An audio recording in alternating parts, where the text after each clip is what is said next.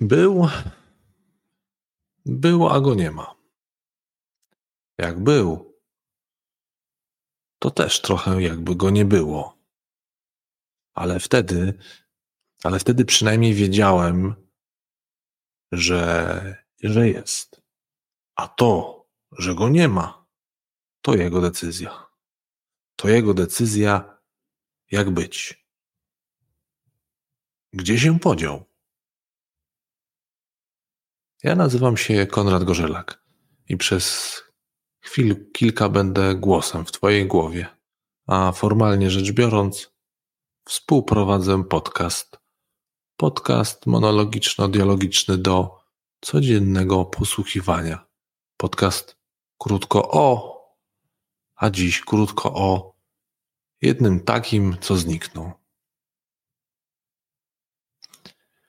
Być może zniknęli inni nie twierdzę, że tylko on. Być może wielu gdzieś się podziało.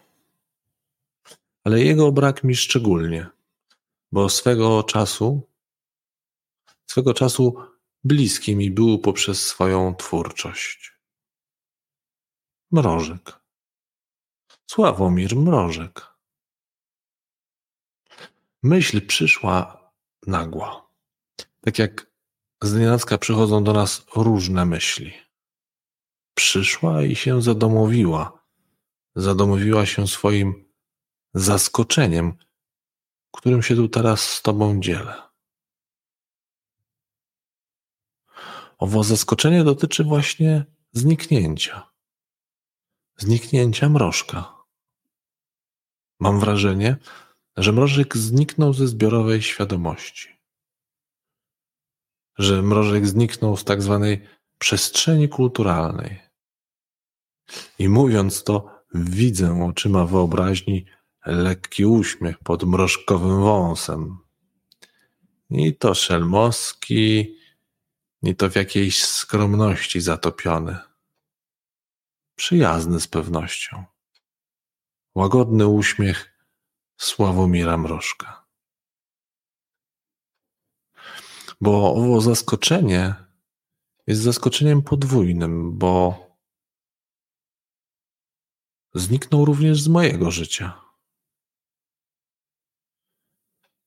Wymazał się jakby. To takie podwójne zaskoczenie.